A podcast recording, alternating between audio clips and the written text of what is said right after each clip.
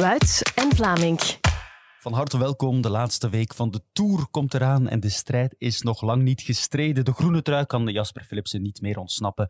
Die strijd lijkt wel gestreden, maar de strijd om de gele trui is spannender dan ooit. Michel Wuits, het is uh, likke baarden en genieten. Ben jij dat ook uh, volop aan het doen, Michel?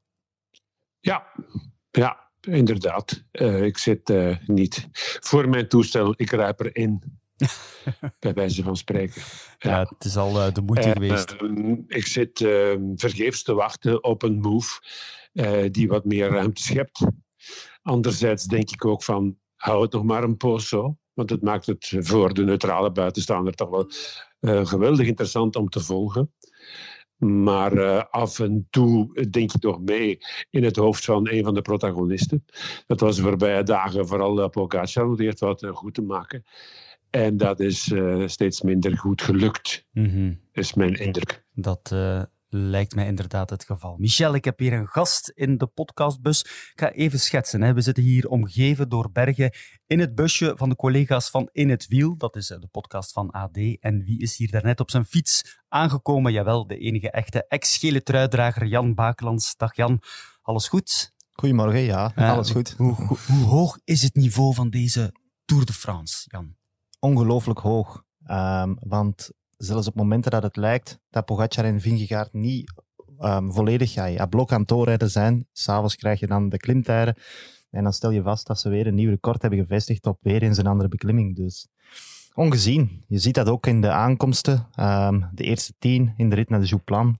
De tiende, Guillaume Martin, die op bijna zes minuten wordt gereden. Dat is... Uh, ja, heb dat eigenlijk nog nooit gezien. Nee, het is uh, waanzin. Heren, ik heb tien stellingen voor jullie klaarstaan. Ik ga die één voor één naar jullie gooien. En dan mogen jullie daar lustig over discussiëren. Het is eigenlijk simpel, dat lijkt me duidelijk. Maar eerst geef ik het woord aan de gele truidrager, aan Jonas Vingegaard. Het verschil met Tadej Pogacar is amper 10 seconden. En dit is wat hij daarover denkt. Would be nice with two minutes, but uh, yeah, 10 seconds is uh, it's better than being behind. Twee minuten was beter geweest, maar beter voorstaan dan achter. Voilà, een heel simpele analyse van de Deen. Goed, we zijn klaar voor stelling 1. En die stelling luidt: Deze tour eindigt met het kleinste verschil ooit. Jan. Nee. Acht seconden was het kleinste verschil tussen Le Mans en Fignon. Um, ik denk dat ze bij ASO zich nu al um, een beetje.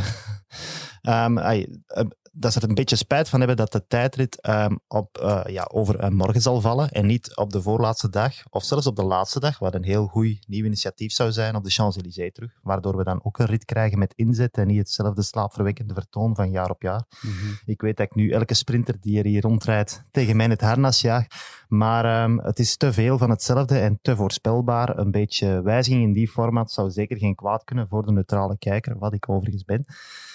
Um, want ik denk dat de tijdrit wel eens de, uit, de einduitslag uh, gaat kunnen bepalen. Nu gaan ze één voor hey, elk apart de weg op en gaan ze zonder mikpunt voor zich uit het moeten waarmaken. Of het gaat een motor moeten zijn, maar geen menselijk mikpunt waar ze naartoe kunnen rijden. Een wiel waar ze zich in kunnen vastbijten.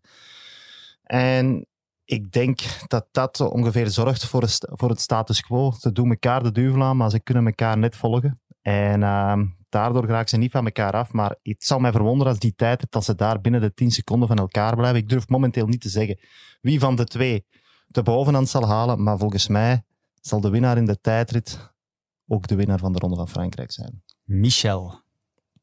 Uh, ik ben het daarmee eens. En uh, 10 seconden, uh, dat zal uh, uitgebreid worden. En ik denk in het voordeel van uh, Vingegaard. Dat is in de eerste plaats intuïtief dat ik dat zeg omdat ik vind dat uh, Vingegaard zich in zijn sas voelt, ook in die benepen toestand. Ik zie hem zijn uitdager jennen.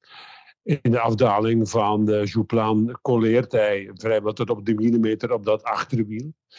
Uh, bij de aankomst van de etappe gisteren kwam hij nog eens even langs inschuiven naast En keek die twee keer aan om duidelijk te maken aan vriendje, wat jij ook probeert, je komt van mij niet af.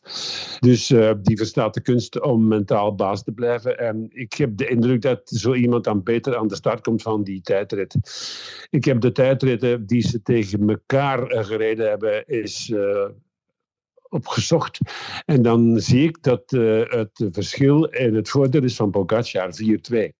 Hmm. Maar als het over de Tour gaat, dan neemt Pogacar altijd wel wat uh, ruimte. Dan is hij het baasje in de eerste tijdritten, die doorgaans wat korter zijn. En moet hij de duimen leggen in de tijdritten aan het eind. Dat was uh, vorig jaar naar Rocamadour het uh, geval. En toen was het verschil acht seconden in het voordeel van Vingegaard. Uiteraard zijn daar ook maren bij. Uh, ik herinner mij dat uh, Pogacar toen een bocht gemist heeft. Nee, dat was Vingegaard, Michel. Of was dat Vingegaard? Dat was Vingegaard, want daardoor ja. um, won Wout van Aert de tijdrit, of mocht Wout van Aert van uh, Vingegaard winnen. Want, ja, ja dat was in elk geval was... wat uh, um, confuus. Uh, het was ook zo dat inderdaad Vingegaard zou gewacht hebben of zou ingehouden hebben om van Aert de tijdrit te, schenken. En dan kun je ervan op aan dat het verschil wellicht 20 seconden zou geweest zijn. Zeg ik nu zomaar op Pogacar. Dus denk ik dat Vingegaard het voordeel heeft in de tijdrit. Oké, dat is interessant en eigenlijk al een antwoord op uh, de volgende stelling, moet ik uh, zeggen. Want die stelling luidt, Jonas Vingegaard wint de tijdrit. Is het zo simpel? Want uh, uiteindelijk, we weten ook dat, hij Pogacar is in de windtunnel geweest. Hij heeft er ook echt wel in geïnvesteerd in die tijdrit, omdat hij weet dat het belang van die tijdrit komende dinsdag gigantisch hoog is. Um, tijdrijden is marginal gains en um, echt de wetenschap die nog meer um, wordt toegepast op het wielrennen. En ik denk en ik vrees dat Jumbo-Visma dan net dat tikkeltje voorloopt op uh, Pogacar. En dat dat inderdaad wel de doorslag zal kunnen geven, ja.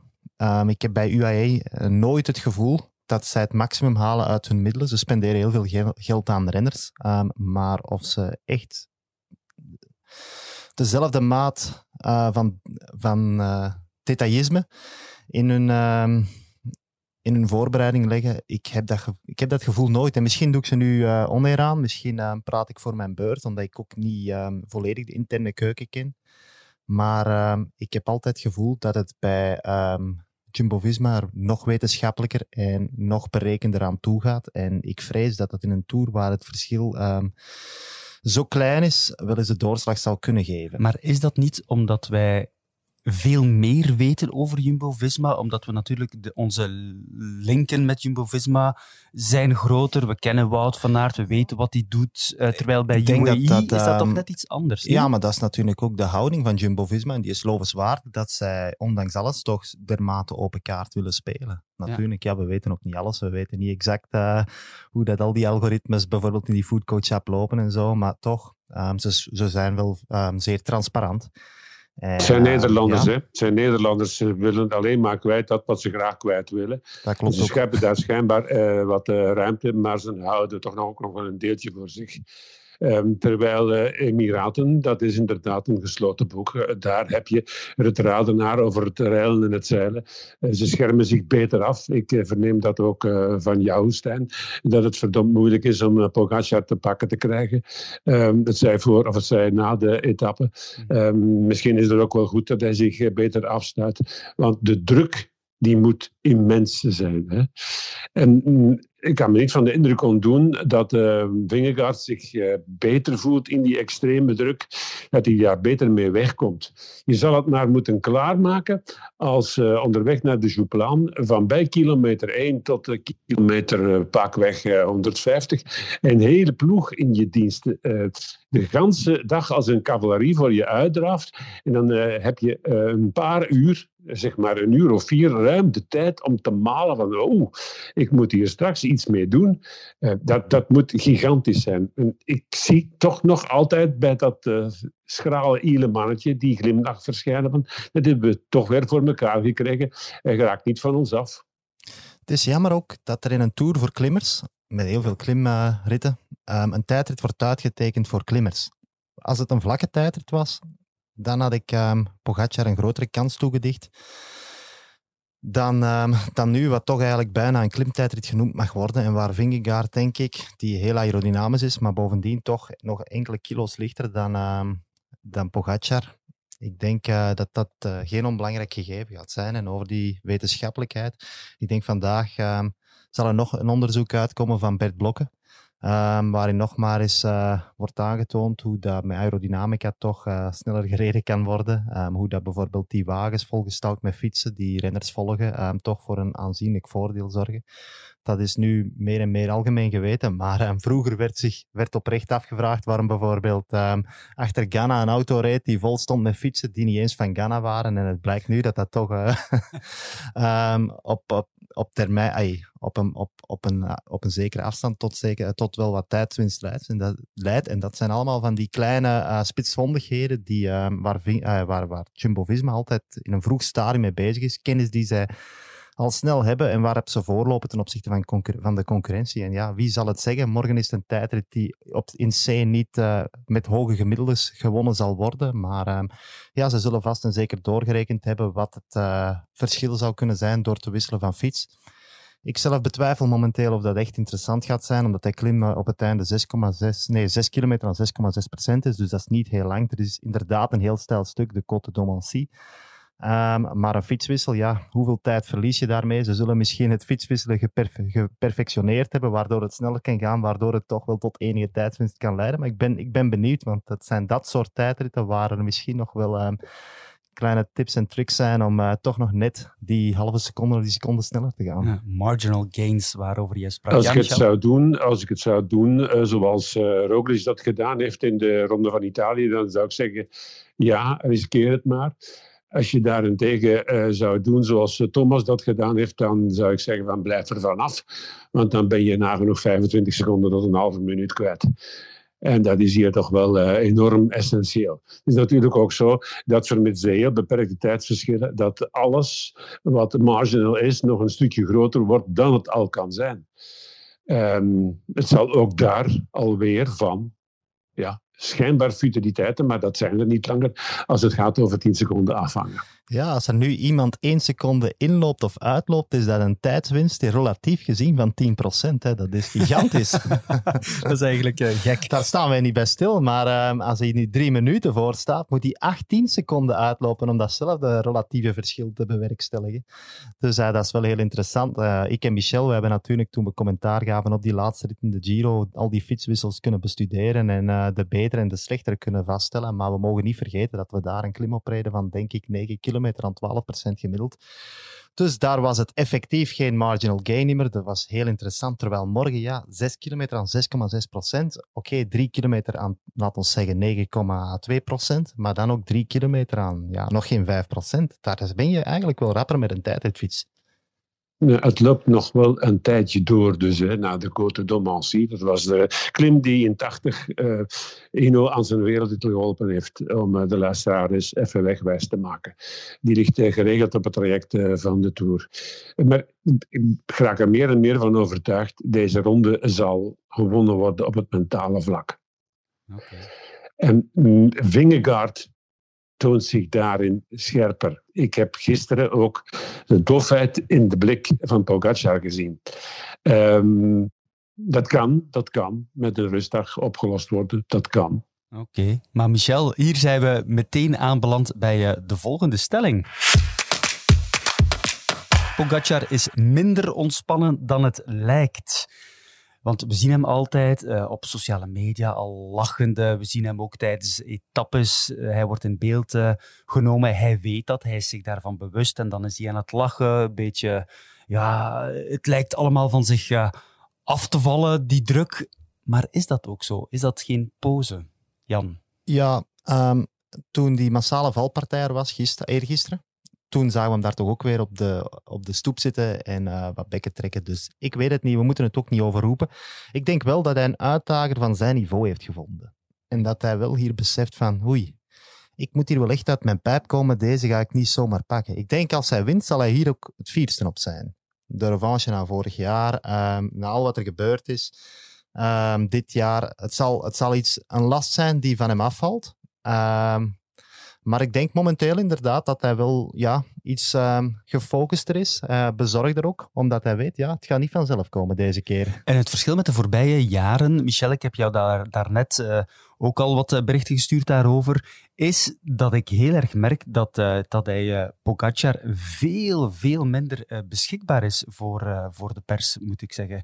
Hij, als hij in de mixzones komt, waar de journalisten staan, ja, praat hij bijna met niemand meer. Alleen het verplichte nummer met ASO doet hij en dan is hij weg. Al die andere rechtenhouders die kunnen ook niet met hem spreken. Misschien hooguit een uh, Sloveense radio of zo, maar that's it. Dus marginal gains, ook daar geen energie verspillen. Dat valt mij wel op, dat die focus toch wel veel groter is, uh, Michel. Wel, uh, dan heeft hij bijgeleerd. Hè? Het zal me dus niet verbazen dat dat in opdracht is van het teammanagement. Want hij is van nature uit toch wel een open boek. Maar ik kan ook wel ten volle begrijpen dat je je meer gesloten gaat opstellen naarmate die tour vordert en naarmate je bij jezelf eh, voelt van hmm, hmm, dat wordt hier een dubbeltje op zijn kant. Ik zal de allerbeste Pogacar uit mezelf moeten halen om überhaupt te winnen.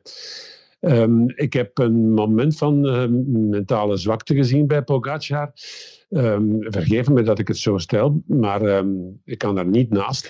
Uh, bij zijn mislukte poging, uh, door het feit dat er twee motoren op de weg uh, reden voor hem uit, um, bij zijn jump op de Jouplan, kreeg hij een soort van lethargie over zich. in de volgende momenten waarop je dacht van, je moet je nu gaan wapenen voor de bonificatieseconde. En dat kwam er maar niet van. En toen dacht ik van, herpak je vriend. Je mag je niet laten in een desillusie uh, werpen of gooien. Um, je, je, moet maken dat je die sprint aanzet. En dat kwam er niet. En dat vond ik heel, heel bevreemdend, gezien um, zijn spirit in tal van andere wedstrijden in het voorjaar. En mhm. ook in de Tour tot, tot dan. Oké. Okay. Dat is uh, bijzonder interessant. We gaan naar uh, de volgende stelling. Ik denk dat daar ook heel veel discussie over uh, zou kunnen bestaan. Supporters zijn een groter gevaar dan het parcours, Jan. Um, ja, we, we, praten veel over veiligheid en parcoursen. parcoursen passeren daar zeker uh, de revue. En um, ja, ook andere renners en renners onderling gaan zeker niet altijd vrij uit. Maar we zien te veel domme valpartijen jaar na jaar door, um, door supporters door uh, de afwezigheid van een veilige infrastructuur waarbinnen de supporters uh, mogen blijven. Iedereen doet maar wat, staat op de weg. Um, creëert daardoor een soort rechter, waardoor we ook dat probleem met de motards kregen. Want ja, ik geef toe, er moeten motards zijn, maar er zijn er momenteel te veel. Het is niet normaal dat er uh, elke radiostation en elke televisiestation een man in de motor, op de motor Maar dat is niet zo, Jan. Dat weet ik. Um, ik denk dat jullie nu. Uh... maar goed, zonder, um, zonder daarover verder in detail te treden, mijn punt is gemaakt. Uh, ik vind dat niet oké. Uh, er zijn er te veel. Er zijn ook motards die effectief een job komen doen, namelijk de politieagenten, um, de seingevers, die moeten daar absoluut zijn. Maar nu zijn er te veel niet noodzakelijke motards die weg kunnen gehaald worden. Maar doordat die dan nog eens extra in de tang worden genomen door de, de trechter van het publiek, krijg je een soort rommeltje zoals we dat elk jaar opnieuw zien, ofwel op d'Huez, um, eergisteren op de Jouplan. En dat kan zo niet langer. Een professionele sport heeft nood aan um, een speelveld dat eigenlijk min of meer uniform is. En um, doordat hier iedereen de vrijheid heeft om te gaan, sta gaan staan waar hij wilt, valt dat weg. En krijgen we situaties zoals gisteren in die valpartij met Sepp Koes, waar iemand uh, domweg een selfie ligt te nemen, zoals Opie en Omi um, twee jaar geleden zoals uh, met Pogacar en Vingegaard. Het is niet normaal dat een, spons, uh, een, sport, uh, een, een, supporter in, de, in een sport een directe invloed heeft op het eindresultaat en daar dan nog eens ongestraft mee wegkomt, want dat is wat hier gebeurt. Ja. Dus er moeten dringend maatregelen genomen worden, want anders wordt het een beetje een karikatuur dan wordt het FC de kampioenen en wij willen topsport. Ja. Of ik wil topsport. Stef Kras is ook uh, ja, uit de Tour weggevallen door een supporter. Begrijp jij wat uh, Jan zegt, Michel? Goed. Um, het probleem van de motards is 30, 35 jaar oud. Uh, toen ik in de koers stapte en motorcommentator werd in 1991, uh, was dat al een uh, issue. En er reden er nog meer motards in de weg. zelfs in de finale van wedstrijden zoals toen nog de Omloop het Volk. noem ook maar de Ronde van Vlaanderen, et, et cetera. Um, en ik nodig je uit om toch nog eens die herhaling te bekijken van het voorval op de Jouplan. De twee uh, motoren daar in kwestie hadden wel degelijk de ruimte om weg te komen. Die weg die lag voor de volgende 100 meter nagenoeg open. Met een acceleratie waren ze op tijd weg. Maar ze hebben zich laten in slaap dommen door het feit dat de twee protagonisten ook op Ralentie reden. En dat uh, plots uh, Pogacar op gang schot voor de tweede keer. Daar hebben ze zich laten door verrassen. En als je het gaat vertragen, dan ga je zien dat de fotograaf van de Poelen toch nog zijn foto schiet als uh, Pogacar op een meter van hem af is. Dat heeft uh, niks te maken met uh, geen vrijheid van actie om weg te geraken. Dat heeft alles te maken met de drang om de ultieme kick van de ultieme kick. Oké. Okay. Um, maar, maar ik, ik, ben het volmondig mee eens dat die, die, op die kritieke punten moet je minstens een kilometer afzetten met naderen. Minstens. Ja. Ik, ik, weet met zekerheid dat ook uh, iedere grote gemeente die zichzelf respecteert in um, zijn reservoir of in zijn opslagplaats um, uh, voldoende uh, stelling heeft, voldoende nadar heeft om dat ook waar te maken. Daar kan de Tour de France ook beroep op doen als dat tenminste nader afsluitingen zijn die deugdzaam zijn. Dat begrijp ik niet. Nee. Dat begrijp ik niet. Want er zijn al ongelukken gebeurd. Er zijn potsierlijke toestanden tot stand gekomen. Ik verwijs naar 2016 op de Ventoux. Uh, je weet nog ongetwijfeld dat uh, onwaarschijnlijke beeld waarbij Froome de berg op moet lopen. Waarbij Richie Poort haast op zo'n uh, tweezit van een motor moet kruipen. En dan verwijs ik naar uh, 2018, waar het ook homeless werd op Alpe d'Huez. Waar een toeschouwer met een ongelukkige manoeuvre Nibali eh, neerhaalt, die daar ook nog eens Gottiandori en bekkenbreuk aan overhoudt. Het is een herhaling van um, lamentabele feiten waar eigenlijk in de long run niks mee gebeurt. En dat is wat mij het, het meeste uh, pijn doet. Dat Hmm. is, ja, we zeggen dat nu al zo lang en er gebeurt niks. ASO voelt zich op een onaantastbaar niveau en doet schier niks. Nee. Er zijn gesprekken geweest tussen en tussen ontwikkelaars van ehm, moderne eh, afsluitingen. Hè. Boplan. En, ehm, ASO neemt dan waar, en, maar neemt er niks van aan. Of neemt dat niet over. Nee.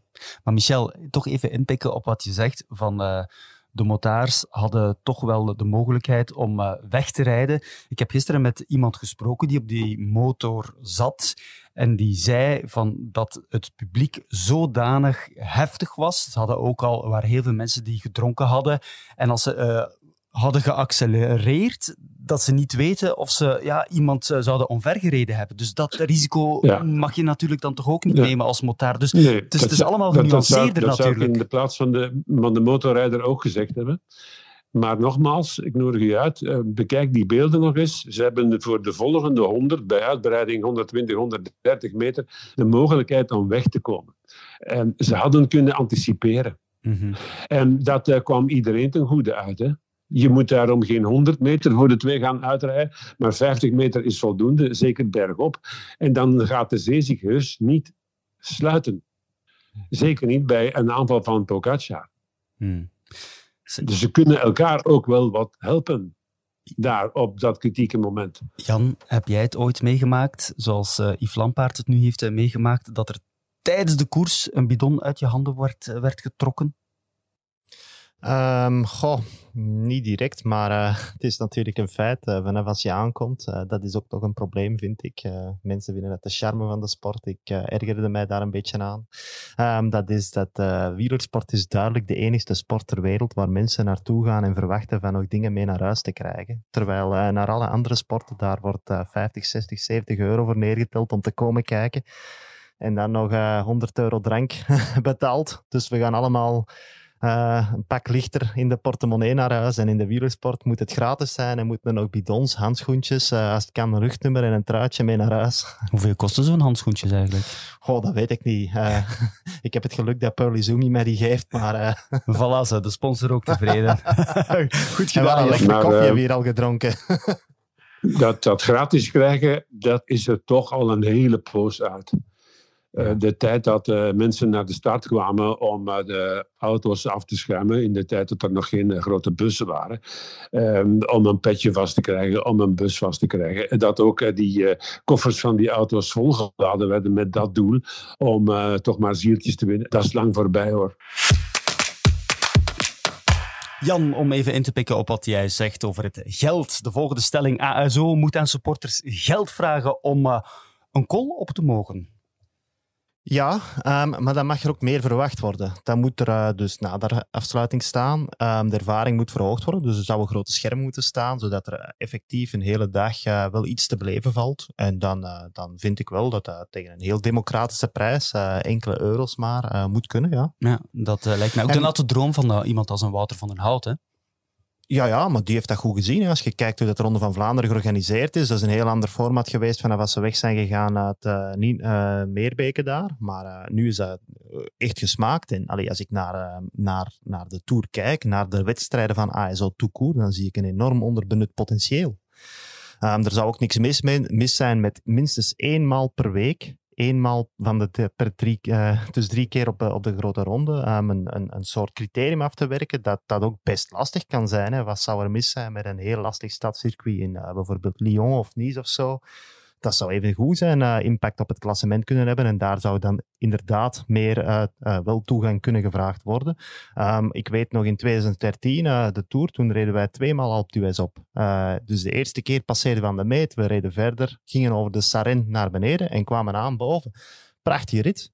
Mm -hmm. um, dat, dat zou bij uitstek iets zijn om, in, om toegang te vragen. Dan kun je twee keer een passage zien, grote schermen zorgen ervoor dat je van de rest van de koers niks moet missen. Um, er kunnen ja, wat coole montages gemaakt worden van de mensen die gek doen en daar uh, beeld in beeld getoond worden, waardoor dat die ook effectief... Want ik geef toe, de supporter is ook onderdeel van het eindproduct dat de tv-kijker te zien krijgt. Het is veel leuker om op tv, um, zoals het ook um, in een voetbal, een vol voetbalstadion op tv zorgt ook voor een betere beleving bij de kijker thuis dan een leeg stadion, zoals we in coronatijd hebben gezien. Dus ik geef ook toe, um, die kijkers, die toeschouwers langs de weg zijn eigenlijk deel van het eindproduct dat ASO aan de tv-kijker thuis voorschotelt. Maar er moet lijn in komen, want nu is het ergerlijk. Ja, velen vonden het wel plezant dat uh, de Puy de Dôme leeg was ik vond het fantastisch toen. Dat, uh, ik heb nog één tour gereden na um, corona, um, 2021. Toen waren er vrij strenge maatregelen ook. En um, ja, ik, uh, ik ben zeker niet tegen publiek, maar er moet wel wat lijnen zitten en soms is het gewoon te. En daarom vond ik uh, publieksvrije zones zijn soms voor de renners echt even een verademing, omdat ze toch even die concentratie wat kunnen laten zakken. Want je moet rekenen, um, je zit in een peloton, uh, je bent heel de dag op je kivief om niet tegen het wiel van iemand anders te rijden, uit, uh, uitkijken naar uitwijkmanoeuvres, remmanoeuvres van renners voor jou, van je renners naast jou. En dan komt er op sommige plaatsen ook bij dat je aan 60 per uur, zoals gisteren met, uh, met koers bijvoorbeeld, uh, langs publiek rijdt. En je moet incalculeren, ah, die, sommige mensen brengen een hond mee naar de koers. Wie, wie verzint het? Uh, of, of hun kinderen, en die staan dan toch, ja, die, die kunnen dat niet goed zien, dus die kruipen daarvoor. Dus je moet rekening houden, wat gaan die doen? En per, per definitie zijn die allemaal irrationeel, dus je kunt niet voorspellen wat die exact gaan doen. En de meesten blijven braaf staan, maar je moet altijd in je achterhoofd houden, als je niet wil vallen tenminste, dat er altijd een last minute verandering van koers kan zijn. En daar moet je rekening mee houden. Ja, de vriendin trouwens van Sepp Koes, of de vrouw, heeft uh, haar hond ook mee, voor alle duidelijkheid. Ik heb die gisteren gezien. Maar goed, Michel, uh, wat vind jij daarvan? Geld vragen om op een call te mogen? Het uh, model van, van Den Houten is ook niet optimaal. Denk maar aan het jasje op de oude Kwaremond. Um, en dat geld vragen, dat strookt niet met de zienswijze van ASO. Is eh, namelijk zo dat eh, ASO zijn rechten nog altijd verkoopt aan de EBU. ASO zou veel meer geld kunnen halen uit de Ronde van Frankrijk eh, mocht er een uh, opbod georganiseerd worden en mocht de Ronde van, mocht van Frankrijk excuseer, achter de decoder gestopt worden. Dat doet ASO bij uitstek niet. Dus ze geld gaan vragen op de kritieke punten, op de mooie punten, op de aantrekkingspolen. Dat strookt niet met de politiek van ASO. Dus ik denk dat alles wat geformuleerd is door Jan, dat dat wishful thinking is en dat dat de eerste volgende jaren niet denkbaar is. Ook al heb ik er wel wat begrip voor. Uh, Jan, Jan houdt van economische modellen. Uh, um, ik neem aan uh, dat daar bij ASO ook wel eens aan gedacht wordt. Maar voorlopig doen ze dat niet. En beseffen ze dat traditie ook wel een aantrekkingspool is van de sport. En met name vooral van de Ronde van Frankrijk. En dat ze die toch op een of andere manier nog zo lang mogelijk willen in acht nemen.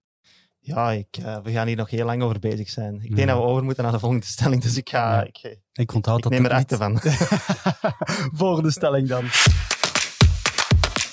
De reactie van Lotto Destiny op de opgave van Caleb Ewan was ongepast, Michel.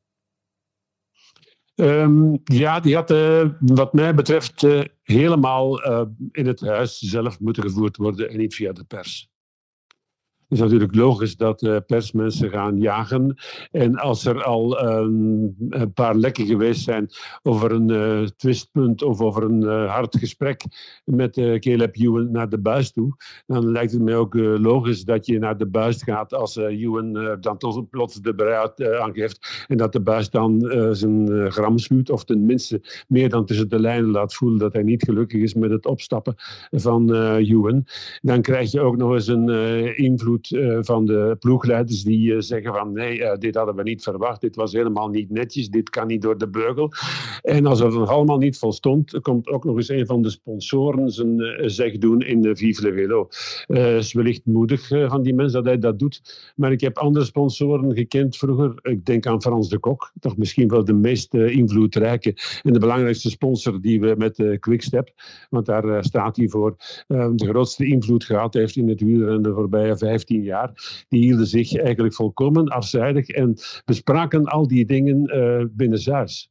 Mm -hmm. dat vind ik nog altijd correcter correcter naar de, uh, de gedupeerden in kwestie, wie dat ook mogen wezen. Want uh, alle details van deze geschiedenis, die al een tijdje aan de gang is, die kennen wij niet. Nee, die kennen wij niet.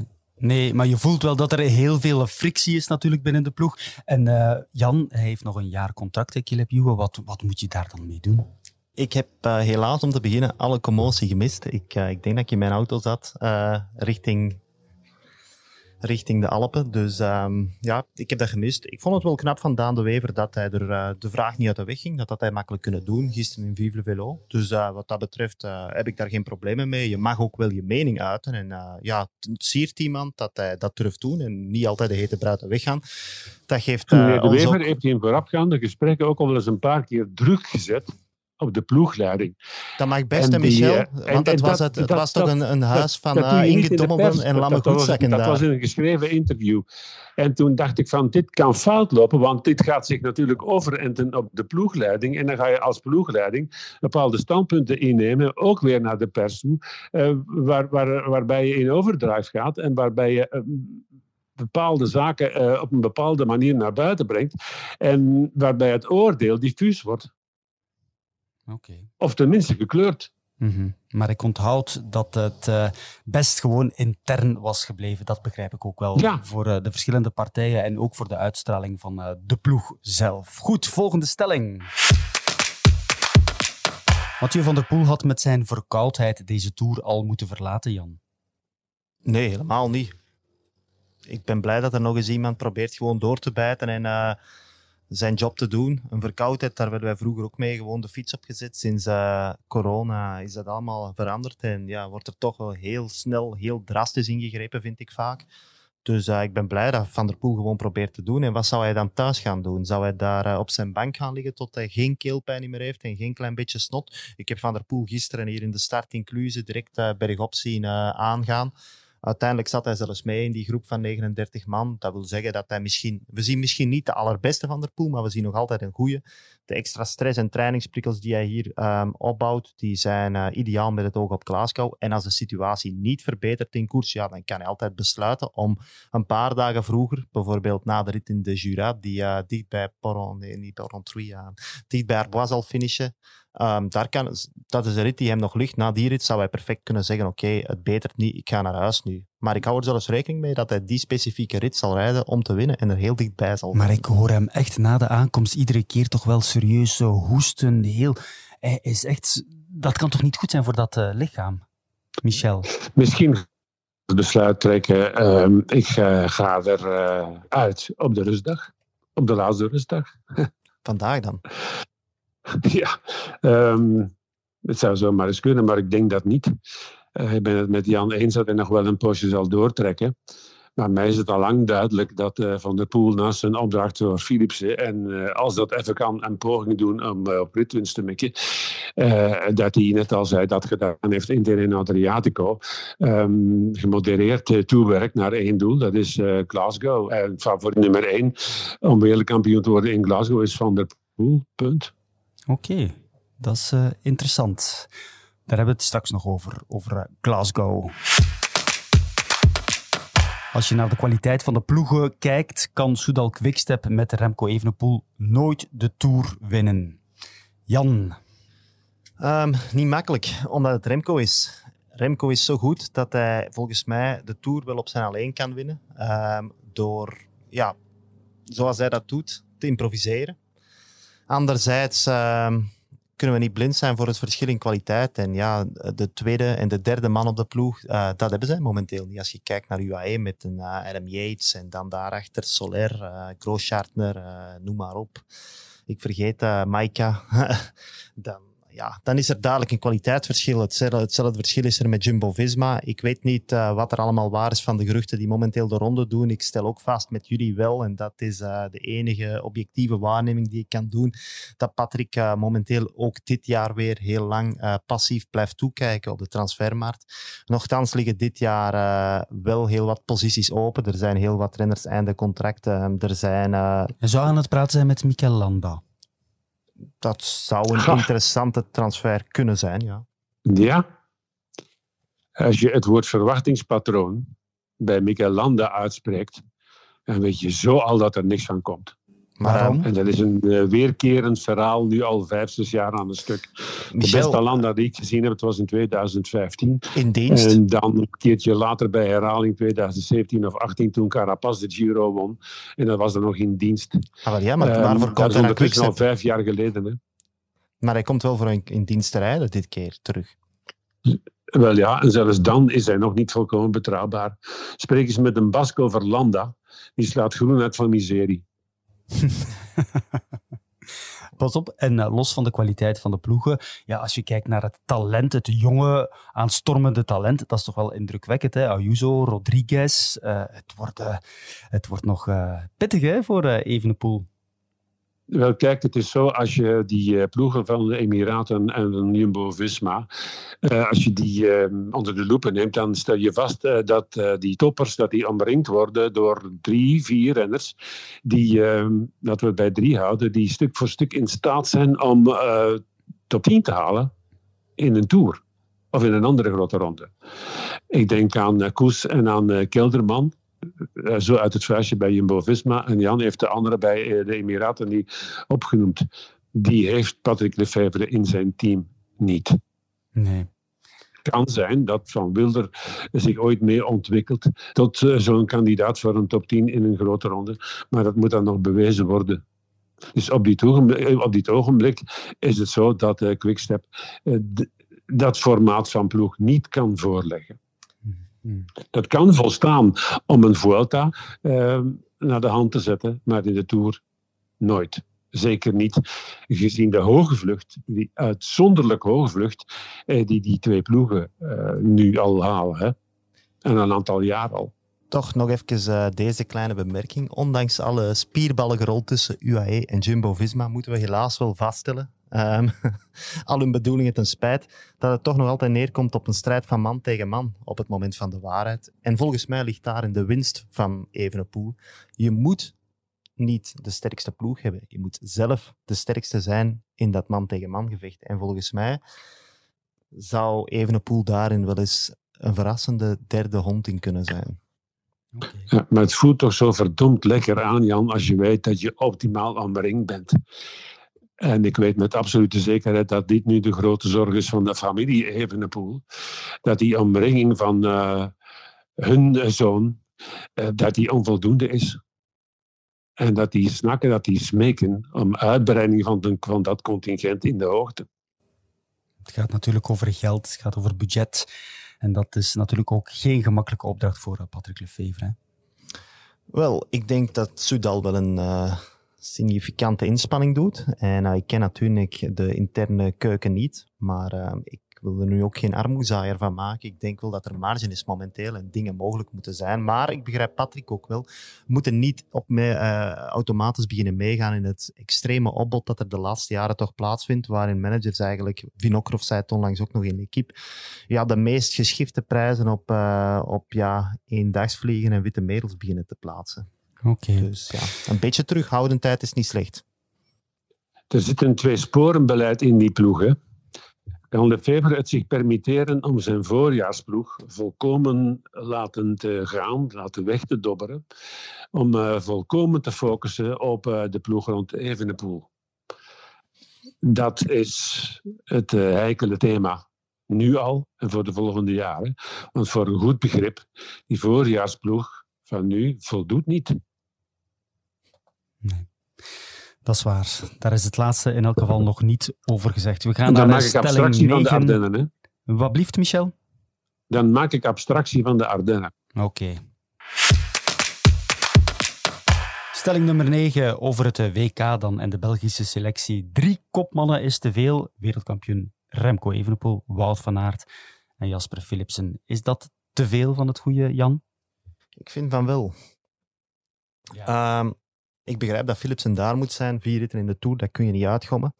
Um, maar aan de andere kant, Wout van Aert is ook wel snel en kan ook wel een massasprint rijden. En dus komen we daar al met een soort uh, conflict. We zitten dan, uh, dan moeten we Wout al gaan wegduwen naar een soort uh, rol waarin hij vroeger in de koers gaat beginnen aanvallen.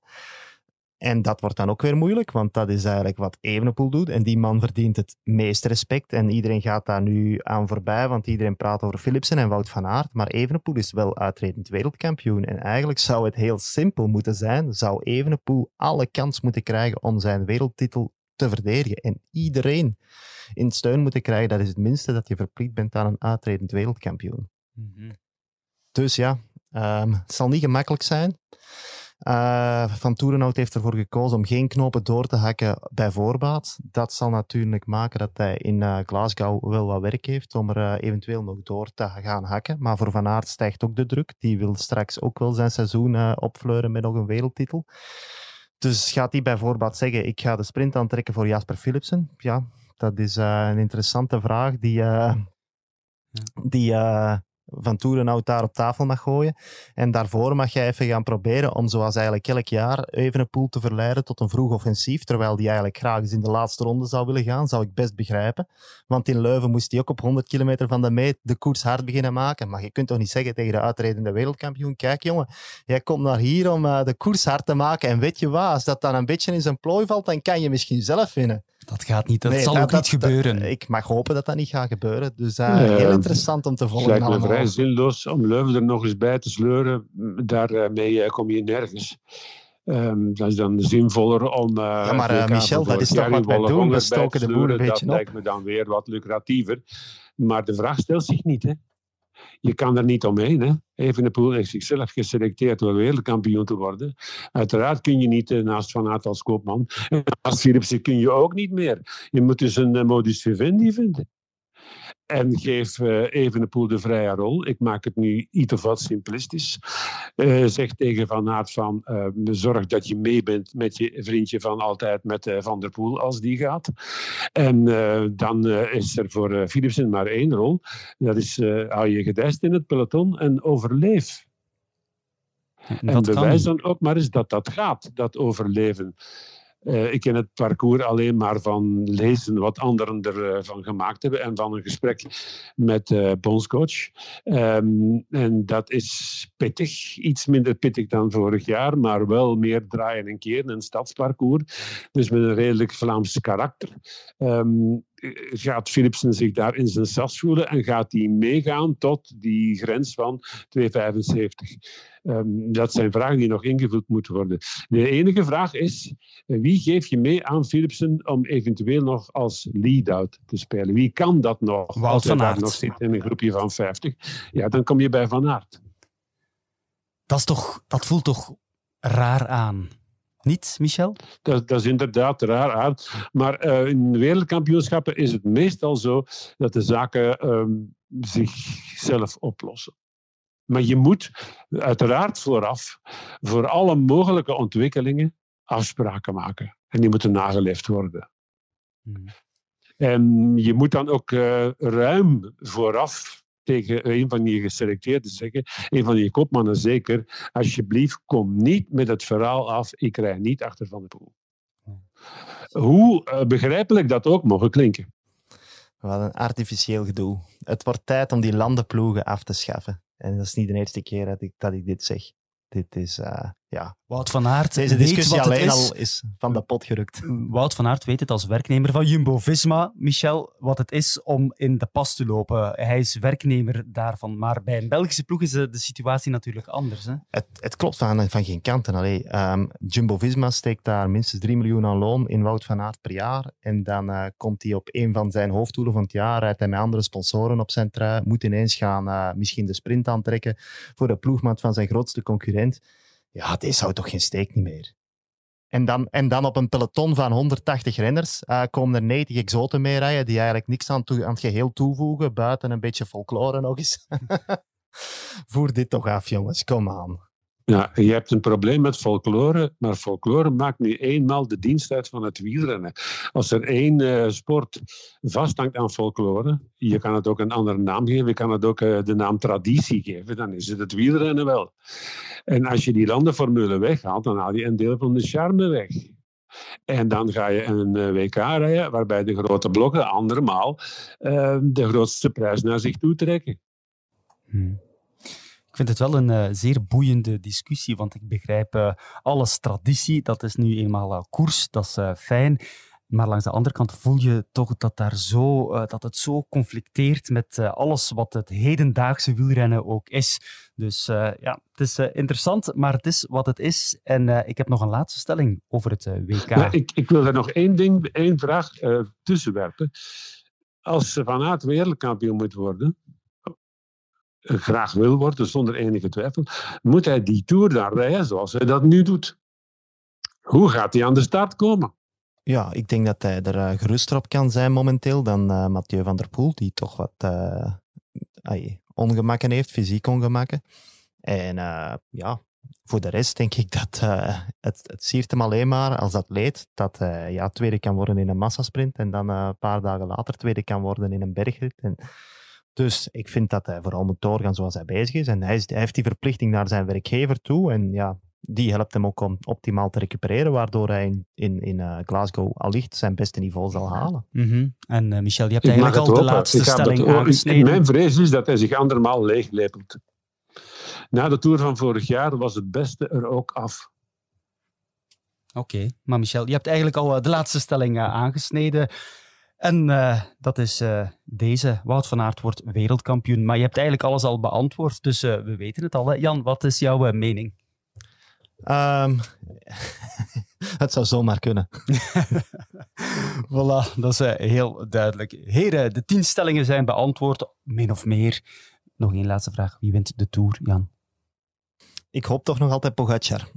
Ja? Ja, en eigenlijk dat kan perfect. Hij staat tien seconden achter zijn die 10 seconden. Dus ja, het hart ligt bij Pogacar. Oké, heb je nog plannen vandaag? Je zit hier in ehm, jouw nu. Ja, je hebt mij laat uh, gecontacteerd en uh, dat kwam dan goed uit. Dus ik was in de streek. Nu ga ik uh, snel de bergen over, de auto in en richting België knallen. Want morgen word ik verwacht in jullie studio in Antwerpen. Ook nog, wauw. Druk programma. Het zijn drukke programma's, ja. Dankjewel om hier te zijn, Michel. Merci vanuit Scherpenheuvel. Tot volgende week voor een nieuwe aflevering van deze podcast.